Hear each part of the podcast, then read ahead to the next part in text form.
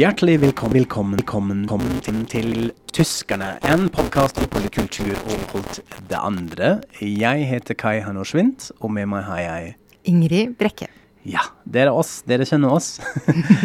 eh, fint å være tilbake. Vi syns at vi var kanskje litt trist i siste episoden, eller tematisk sett i hvert fall. Da var det mye elendighet om regjeringskrise og tysk fotball eh, og alt det der. Det var jo veldig kanskje litt sånn dempet stemning gjennom hele episoden, så vi tenkte at i dag skal vi bare hygge oss kanskje litt ekstra med kaffe og kuchen eh, etter hvert, men også med noe annet før, nemlig med litteratur.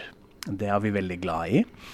Eh, så vi skal snakke litt om bøker. Det skal vi. Ikke sant? Eh, og det første er en eh, ganske ny bok som du har lest, Ingrid. Ja, Vil du fortelle oss litt om den? det vil jeg gjerne. Det er en bok som er skrevet av Thea Dorn, og den heter Deutsch nicht dumpf. Ein Leitfaden für aufgeklärte Patrioten.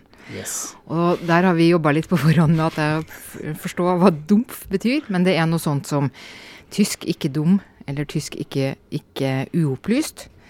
Eh, og dette er da en veiledning for opplyste patrioter.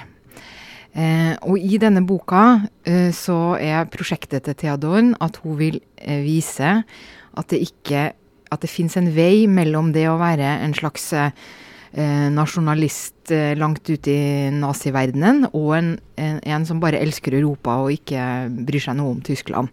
Altså man kan være glad i, i landet sitt og, og utforske landets historie og tenke at det er noe spesielt å være tysk, uten at det liksom sklir helt ut, da. Så hun har, eh, går tilbake i, i historien og forteller om, eh, om eh, dette. Og, og eh, viser hvilke deler av tysk kultur man kan være stolt av, og har samtidig som prosjekt at også de ikke stolte delene av tysk kultur hører faktisk med i tysk kultur. Og her har hun dette nydelige eh, bildet som jeg liker så godt, nemlig at eh, tysk kultur kan man se på som en hage. Altså alle kulturer, da, men nå snakker vi om tysk kultur. Og i denne hagen Den er kanskje et gjerde rundt, men et litt sånn lavt gjerde, så det kommer jo vekster inn utenfra som sprer seg med vind, eller man strekker røttene sine innover naboens, eh, under naboens gjerde. Og i hagen finnes det store trær, det fins eh, blomster, det fins eh, eh, kanskje litt vissent gress og, og en ekkel kompos komposthaug i det ene hjørnet. Eh, men alt dette tilhører tysk kultur. Altså konsentrasjonsleirer og Goethe og en hel haug andre ting. Og så forteller hun om disse forskjellige eh, bitene, og hva man kan være stolt av, og hvordan man kan tenke. Ja. Eh, du har jo sagt at du eh, hører på lydboken. Eh, leser hun den selv? Ja, hun leser den eh, sjøl. Yeah. Eh, og det er jo en Jeg slet litt i begynnelsen med, med liksom hvordan hun øh, snakker. Ja, hun har en litt merkelig måte eh, å snakke. Hun har, jeg tror, en sånn liten det man kaller for en S-feler. Altså noe med feil uttalelse med S. Jeg tror hun har noe når man hører litt skjønt ut. og, og virker litt sånn selv, kanskje litt sånn ekstra selvhøytidelig Ja. når hun snakker. Ja. Eh, Jeg har den samme opplevelsen når jeg har sett henne på TV eller hørt på intervju med henne. Så er man litt sånn fascinert av hvordan hun snakker. Og det tar litt tid før man kommer Ja. inn og hører faktisk, faktisk på hva hun har å si. Ja, for fordi at jeg, jeg så, Når hun snakker, så får jeg veldig sånn følelse av en eller annen sånn spissborgerlig, elegant, eh, litt sånn stiv dame med perleøredobber perleøredobber og sånn. Ja. Hun er jo litt sånn også, Mhm. men, men det er veldig mye mer med henne, da. Og nå Mm. vet jeg jo for så vidt hvordan hun ser ut etter hvert og sånn òg.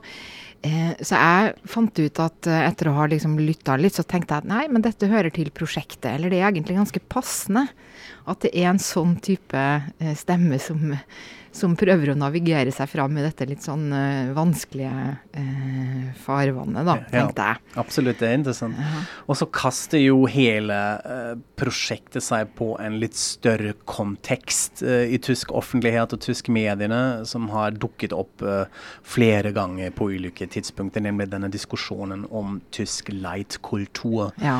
Hvordan oversetter man det bra nok? Nei, jeg vet ikke helt. Altså at, at. Tyskland skal være en, eller er, om den er eller skal være en slags ledende kultur. Om det Ja. er en kultur som er liksom litt sånn Ja. avansert eller god eller bedre enn de andre, eller et eller annet. Ja, også den, altså hva som er på en måte normativ sett, det som tysk kultur er lagd av, hva er det man må ha med, og det er jo ofte eh, blitt brukt av politikere av ulike partier som da skal eh, ja, følge et eller annet agenda. Hva er tysk, hva er ikke tysk? Eh, I det siste, det siste jeg husker var, ble det brukt av den eh, daværende innenriksminister Thomas de Messier, som kom med en sånn ti poeng-liste i Bildzeitung av alle steder, hvor det var annet ja, ja, i Tyskland skal vi ta hverandre i hendene og se hverandre i øynene når vi hilser og sånt, Uh, som er jo Som var et slags spark til konservative muslimer som ikke ville eh, det. Hilse på og, ja. kvinner osv. Så, videre. så det blir brukt ofte i den debatten. Så Ja. jeg syns det høres litt sånn forfriskende ut å ha en person fra kulturlivet, en sånn proper intellectual Ja. som Thea Dorn, Ja. som tar seg av det temaet. Så, Og hun kaster seg jo også veldig inn i denne pågående eh, debatten etter at Alternative for Deutschland kom inn i parlamentet og sånn. Og hun begynner veldig morsomt i, i forordet med å argumentere mot eh, Heribert Prantl, som er sånn profilert kommentator i Süddeutsche Zeitung, som skrev rett etter valget en veldig, veldig god kommentar, hvor han kaller tyskerne eh, tørrlagte alkoholikere i forhold til nasjonalismen. Og, altså underforstått, hvis du får en liten dråpe AFD, så ender du liksom i nazihelvete før du vet ordet av det. Eh, og så skriver hun sjøl, eh, for så vidt sånn som jeg òg tenkte, da, at dette er et veldig fascinerende og godt bilde. Men som hun skriver, etter en Jeg tenkte på det, og jo mer jeg tenkte på det, jo verre ble det på en måte. Fordi er det virkelig sånn at det ligger i liksom arvestoffet til tyskere? Eh, at de ikke tåler nasjonalisme. På en, liksom, på en, er de annerledes enn andre folk på dette? Og det tenker jeg at uh, i, i dag så er jeg veldig flest enige om at det er en veldig rar ting å si. Mm. Eh, og der kommer nettopp denne hagemetaforen så fint inn, da. Mm. Eh, fordi at eh, man kan være opptatt av tysk kultur og alt det der, men man kan samtidig eh, tenke på det som en sånn åpenhet, da. Så noe Mm. som er åpent og fleksibelt, og, og ikke stivt. Og det er lov å være interessert i dette. Mm. Og der ligger jo liksom litt det derre som jeg har merka på meg selv òg, når vi har hatt disse tyske og norske debattene, enten det er om light-kultur eller denne vi har hatt om vafler og brunost. eh, Jeg husker ikke helt hva vi kalte den debatten, her, men det er jo samme type debatt. Hva er norsk og sånn. At jeg hever meg litt over det, eller, eh, eller unnviker det på et eller annet vis. Fordi at jeg syns ikke det er så interessant. Jeg er ikke så opptatt av det. Eh, Men, men jeg tenker at det er en, en arrogant holdning, egentlig, som vi kanskje ikke helt kan koste på oss. Eh, fordi så mange mennesker er opptatt av det. Det ligger litt i tiden. Og da er det jo bedre å gjøre dette ordentlig. Og Mm. det er det jo Theodoren gjør. Ja. Jeg er helt enig i det. Jeg har vært gjennom- litt sånn samme prosessen med dette. Fordi man Jeg tror man må faktisk begynne å snakke om dette. Vi er i en eh, tid som er preget av verdidebatter. Eh, vi prøver å navigere gjennom dette spenningsfeltet med tradisjon versus fremtid. eh, definere oss i en globalisert verden og alt dette der. Og da må vi ikke overlate disse definisjonene til folk som er så agendapreget. Vi må gjøre det, og definere det kanskje F.eks. på en sånn måte at man bruker en hagemetafor, hvor det er plass til masse og alt. Så jeg syns det, det er veldig fint. Uh, gleder meg med å lese den boka. Ja. Det høres interessant ut. Fint. Men Mhm. da går vi videre da, til en av disse blomstene i den, i den tyske kulturens hage. Mhm. Eh, nemlig eh, Kristine. Eh, som jeg har lest noe av da jeg var barn, men som jeg knapt akkurat nå husker så mye mer av enn akkurat det. Men eh, du husker, Kai? Jeg gjør det, og vi snakker jo om henne nå fordi hun døde, eh, dessverre, en uke siden. Eh, etter vi har etter vi spiller dette her inn. Så må vi kanskje også si at Kristine Nøstlinge er eh, en østerriksk forfatter. Eh, selv om vi er veldig eh, flink med å integrere det eh, østerrikske forfatter i en sånn tysk kanon. Eh, Hitler kan de gjerne få. Da sier vi sånn vær så god, eh, det, han var fra Østerrike. Men det finnes jo masse uh, interessant, og uh, spesielt i litteratur, som vi da uh, liker av og til å anse som helt tysk, men de er altså fra Østerrike. Og det har også preget Kristine Nøstlinger, fordi hun er født og oppvokst i Wien. og um, ja, representerer kanskje en hel haug med forfattere som kom frem på slutten av 60-tallet og gjennom 70-tallet i en sånn veldig antiautoritær ånd. Altså De var veldig preget av denne tiden, hvor man da, spesielt i barnebøker, begynte å fremstille familier på en annen måte. Da var det ikke så mye heile velt og mamma, pappa og to barn og ja, litt sånn historie knyttet rundt det, men da hadde man altså plutselig skilsmisse, uh, alenemødre Sosialrealisme. Sos akkurat. Uh, god gammeldags sosialrealisme, som også Kristine Nøsling var veldig flink til å ja, på en måte tilpasse til en sånn barnlitteraturkontekst. Så det var dette barna til 68-erne skulle lese, da? Ja, det var det. Uh, og så var det noe med språk, veldig interessant, og det hadde jeg faktisk glemt litt. Uh, at hun var veldig preget av en uh, ja, vokabular av hennes oppvekst. Det var mye østerriksk dialekt, spesielt fra Wien, som hun brukte i hennes språk. Som man da som et nordtysk, eller ja, vesttysk barn ikke var kjent med, men man, som man ble kjent med via bøkene til Kristine Nøstlinger, som er liksom veldig morsomt, egentlig. fordi man, man har, det er mange ord som man er, bare kjenner derfra. Så det er en sånn kanskje mer folkelig tone i bokene hennes, og ikke en sånn selvhøytidelig mm. uh, språk som man kan også få i en del barnebøker uh, fra den tiden. Jeg måtte jo tenke litt òg, fordi jeg har jo mest Jeg tror jeg har lest to bøker da jeg var barn. Uh, og nå har jeg lest veldig mye om henne og det hun gjorde etterpå. Hun skrev matbøker og alt oh, ja. mulig etterpå. men hun er kanskje mest kjent, i hvert fall i Tyskland, fordi hun skrev eh, en bok som heter 'My Kefer Fleek', som kom ut i 1973. Som var veldig preget av hennes egen eh, barndom under og på slutten av andre verdenskrig. Uh, forteller en historie om Kristine, som var jeg tror, ni år gammel uh, på den tiden.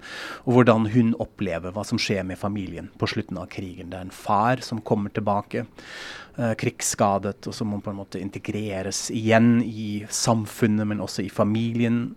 Samtidig kommer jo Røde armeen, altså russerne, eh, og man er veldig redd av det. Hva betyr dette? Så det er en historie som er fortalt gjennom hennes øyne. Uh, og hun blir da venn med en russisk kokk til slutt, som er en veldig fin ting, eh, som er kanskje mest rørende i den boka. fordi da har man et slags sånn håp. At ja. uh, to veldig ulike mennesker, eh, ni år gammel jente og en russisk kokk, kan bli venner, eller ha et vennskap. Ja. Og det er sånn det kanskje kan gå fremover. Uh, med det der. Så det er en veldig fin, uh, fin bok. Og uh, da kommer det også frem at hun selv, det leste jeg om etterpå, var veldig opptatt av faren sin. Hun hadde et veldig nært forhold til sin egen far, ikke så mye til moren. Men det handler altså om, også om denne faren, og hun jeg tror jeg bearbeider mye av det hun har opplevd selv da. Og så er den andre boka som jeg husker uh, litt, i hvert fall. 'Wir pfeifen auf den Gurkenkönig'. Ingen aning hvordan man oversetter det på, uh, til norsk. Den har kommet ut på norsk, altså begge. De ja, for jeg ser for meg et bokomslag. Ja. Jeg husker jo ikke akkurat hva, hva den heter, da, men mm -hmm. sånn 'Agurkkongen' med Jeg ser for meg liksom denne jeg tror kanskje en sylteagurk, det høres litt rart ut, men ja, i ja. hvert fall en uh, agurk. Ja på, på, et bokomslag med noen sånne små figurer rundt, ja. men ikke vet jeg. Ja. Nei, det kan man uh, google seg frem uh, etter hvert, eller vi kan kanskje legge ut linken. Vi kan kanskje være så greie at vi legger ut noe på Facebook. Vi. vi finner det.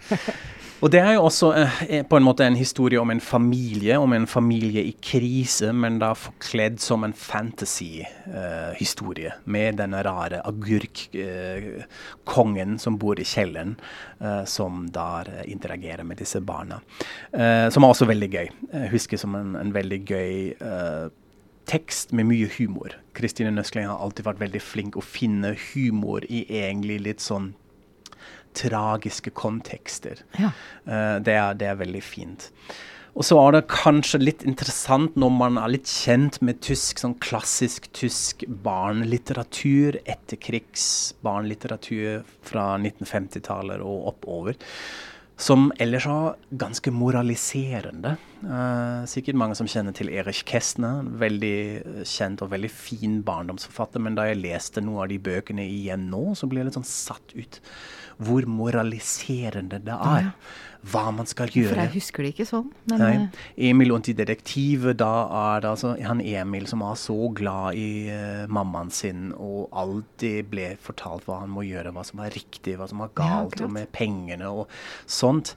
Uh, Ottfried Preusler er en annen som er kanskje litt mer sånn barnslig, men også da er det på en måte en litt sånn borgerlig litt konservativ ånd som går gjennom dette. Og da Kristine Nøstlinge, som også er moraliserende på sin måte, kanskje litt mer subtil.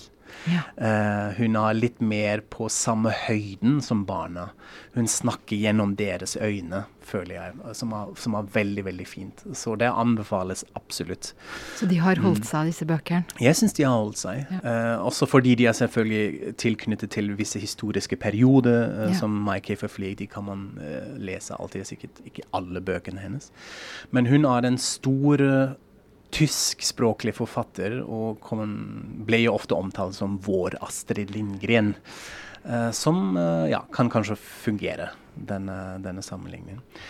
Så trist at hun døde. Uh, antageligvis døde hun av kreft, selv om hun røyk hele livet og nekter å slutte. Jeg tror hun var en ganske sånn sta person, uh, og veldig, litt av en type. Ja. Uh, så jeg har veldig lyst til å se litt på intervjuet med henne, uh, av henne med, på YouTube. Kanskje vi finner noen, noen morsomme ting da, som vi også ja. kan lenke til. Ja, det er Kristine Nøstlinger. Men vi har jo en, ja, et litteraturtema til. Uh, siste boka vi skal snakke om uh, før vi skal uh, ha litt kaffe om koren. Og det er faktisk din utfordring, Ingrid. Vi har jo snakket om den flere ganger, at vi skal snakke om det. men det så ut som du trengte litt tid for den. hvilken bok er det? Jo, det er boka som heter 'Barn, lov meg at du skyter deg' med undertittel 'Vanlige tyskeres undergang i 1945'. Og den er skrevet av Florian Hoba. Så som man skjønner, dette er eh, veldig langt fra eh, fantasy-agurka i kjelleren og sånn. Dette er mm. ekstremt alvorlig og, og, tragisk. Historisk dokumentar om eh, hva som skjedde i 1945. En selvmordsbølge blant eh, tyskere. Og eh, han det, Den er veldig interessant på to måter. Det ene er at han forteller om noe som faktisk skjedde under krigen, eller etter krigen, egentlig. Det var jo da, da tyskerne forsto at nå var alt tapt. Eh, så reagerte eh, mange tusen med å ta livet av seg, eh, og ofte da også barna sine. Og det er mange forferdelige eh, historier som han har da samla i denne boka. Og han begynner Så det er det ene aspektet. Og det andre eh, er jo at dette har litt sånn større kontekst i at vi får se en del av hva mennesker er, som vi heldigvis slipper å egentlig vite noe om, nemlig hvordan vi reagerer i en sånn ekstrem situasjon. Eller kan mm. reagere, da. Eh, og han begynner med å fortelle om en, eh, en by som heter Demin, som lå sånn til at den hadde tre elver eh, rundt seg. Og når nazistene da trekker seg tilbake fordi Den røde armé kommer, så ødelegger de alle broene, så folk, sivilbefolkninga som er igjen, blir da fanga der. Eh, og så kommer Den røde armé sånn etter hvert seg likevel over, da. Og der har de en sånn Nå husker jeg ikke helt tallene, men det er liksom flere hundre der som tar livet av seg. Mm. Og det er jo en, et resultat av Altså det er både det at eh, noen tar livet av seg etter at de faktisk f.eks. er blitt voldtatt eller eh, mishandla av Den røde armé. Eh, men noen gjør det også i forkant, av frykt for hva som skal skje. De har jo i mange måneder blitt utsatt for eh, propaganda fra nazimyndighetene om, om for noen monstre disse bolsjevikene er, da. Og det er veldig imponerende hvordan han har klart å skildre dette så nært og intimt, og med så mange konkrete menneskeskjebner, fordi folk skrev dagbok. Mm -hmm. Så det ja. finnes arkiver og notater og dagbøker som han bruker her, da. Så det er veldig, veldig eh, uh, godt uh, gjort. Og det er også helt grusomt å lese. Så jeg kan jo bare innrømme det, da, at jeg, nå har jeg kommet halvveis. Men mm. dette er tungt og trist og vanskelig eh, å lese. Men jeg tenker også at det er veldig viktig mm. eh, å fortelle om dette. Altså, jeg ser alltid for meg hvordan det går i sånne tidsepoker da, eh, etter krig. Eh, når man kan snakke om forskjellige ting. Og i Tyskland så har man jo sett mønsteret. Så kan man liksom si at det har vært et mønster i at da krigen nettopp var ferdig, eh, så ville man jo ikke engang innrømme egen skyld. Så gikk det mange år, og så kunne man gjøre det. Og da snakka man først om liksom holocaust og hva som hadde skjedd med jødene, og så var det hva som hadde skjedd med romfolk, eh, funksjonshemma, tvangsarbeidere. Og så kom man etter hvert dit at man også kan snakke med hva som skjedde med tyskerne selv. Og dette er jo et slags ledd i det, kanskje. Mm. Det er uh, utrolig fascinerende, fordi for meg var Jeg har aldri hørt om at det var bølger. Altså at det var tusenvis av mennesker ja. som gikk så langt at uh, de tok livet av seg. Man har hørt litt sånn enkle historier rundt dette. At det, var nesten sånn organisert ting. Noe som folk var opptatt av i hverdagslivet. litt sånn, uh, 'Nå skal du ta livet av deg', eller sånt. Ja. Altså, man hadde sånne samtaler som ja. kommer frem i den boka. Det syns jeg er utrolig fascinerende. Ja. Og det andre er noe med den konteksten som jeg syns er så forferdelig. Tanken at man gjennom krigen egentlig hatt et eneste mål, nemlig å overleve. Ja. Vi må komme oss gjennom dette med å komme oss videre. Vi skal leve. Men på slutten så bestemmer man seg for å ta livet av seg eh, etter å ha overlevd uh, fordi man ser ingen vei ut, eller man er så preget av propagandaen, av uh, en desperasjon. Alt mulig, sikkert. Mm. Det syns jeg er fascinerende og mm. helt grusom mm. å tenke over. Det er jo også noen få, få bilder i denne boka, og mm. en av de bildene som er gjengitt, er tre eh, mennesker som tok livet av seg på arbeidsplassen sin i Leipzig. Jeg tror det var tinghuset eller ja, noe sånt. Og det er et fotografi som er tatt av Lee Miller. Eh, som er en av disse veldig berømte krigsreporterne. som Hun var jo en gang eh, hun var amerikaner, hun var jo tidligere modell. og Det er et veldig berømt bilde hvor hun selv sitter i Hitlers eh, badekar. Et ja. bilde som ble tatt fordi at hun så, så det for seg som et slags sånn antimagi-ritualet. Mm -hmm. Altså hvordan ja. du fjerner sånne myter og Se, han hadde et vanlig badekar, og nå sitter jeg her. Eh, men hun har også da tatt bilder av noen av disse som tok livet av seg. Og hun beskrev Tyskland som et land av idyll, idylliske landsbyer bebodd av totalt schizofrene. Altså hun syntes at dette var selvfølgelig helt ubegripelig. Mm. Og at det å forstå hvordan den tyske psyken fungerte liksom her, det klarte ikke hun, eller kanskje andre også, som var der på den tida, mm. da. Fordi det var et folk som hadde vært i sånn ekstrem uh, krigssituasjon, og ikke på offersida, som, som er veldig annerledes. Mm. Ja.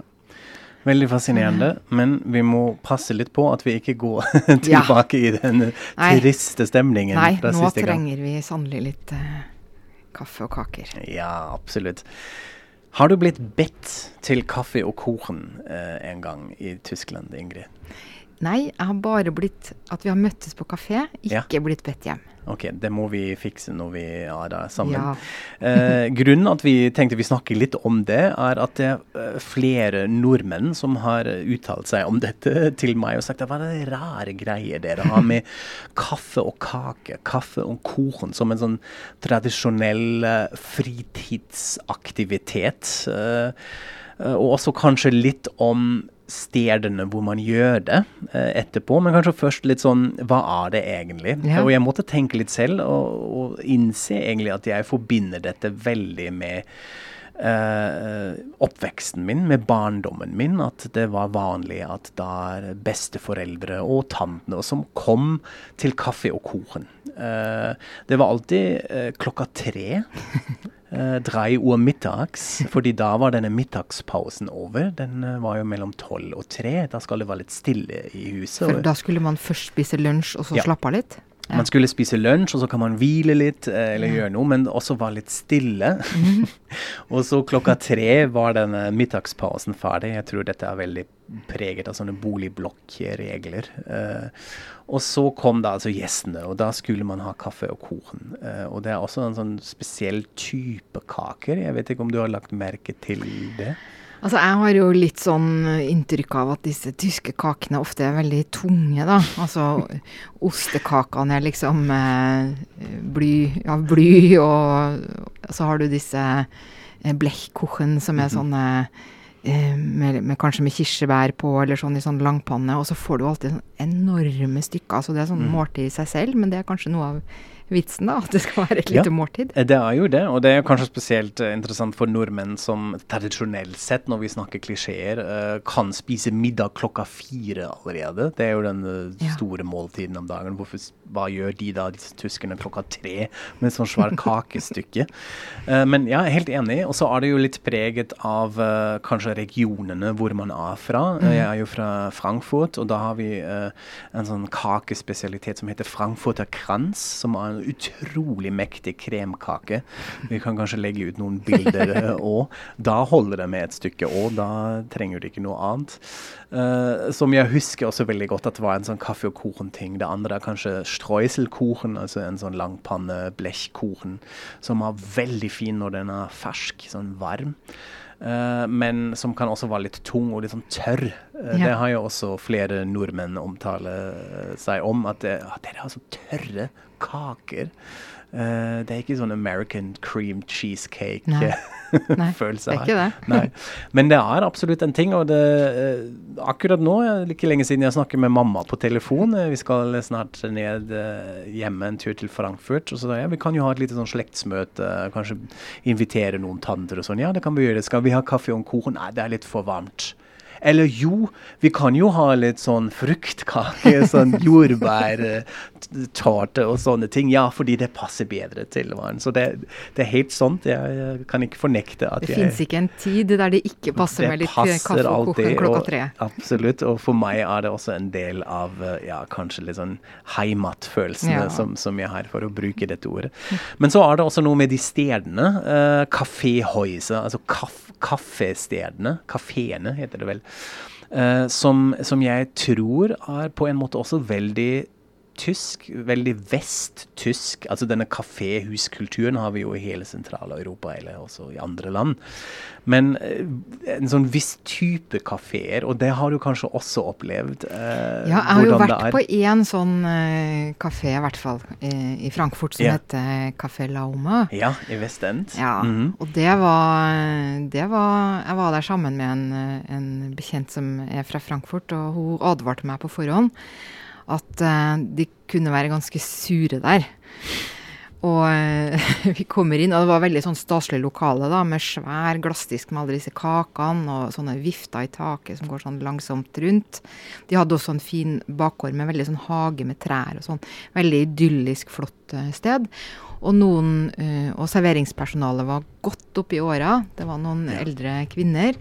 Jeg vil kanskje ikke si at de var sure, men de smilte ikke, og det var ikke noe sånn i ved dørene. Men jeg fikk jo det jeg ville, og det var veldig godt. det er fint, da har du flaks. ja. ja. men det, jeg er helt enig i det. Det er en viss stemning da. Det begynner med møblene og innredning, hvordan det ser ut. Uh, og så er det absolutt det med personalet. Og så veldig fascinerende at man har en sånn sjanger kelnere og servitører som er 50-60 pluss, eh, som kanskje går rundt i slags uniformer og eh, er ja, ikke hyggelig de er litt mygne og alltid litt irritert at man våger å bestille noe. Du skal være litt takknemlig for ja. at du overhodet får liksom være der? Absolutt. Eh, og da minner jeg også gjerne på en kafé i Frankfurt. Kafé Christine i Dornbusch-området, hvor jeg likte å gå. Eh, da kunne man også se Marcel Reich-Ranitzky, en mm. veldig kjent tysk litteraturkritiker som bodde i området, og som likte å ta kaffe og litt kake på den kafeen.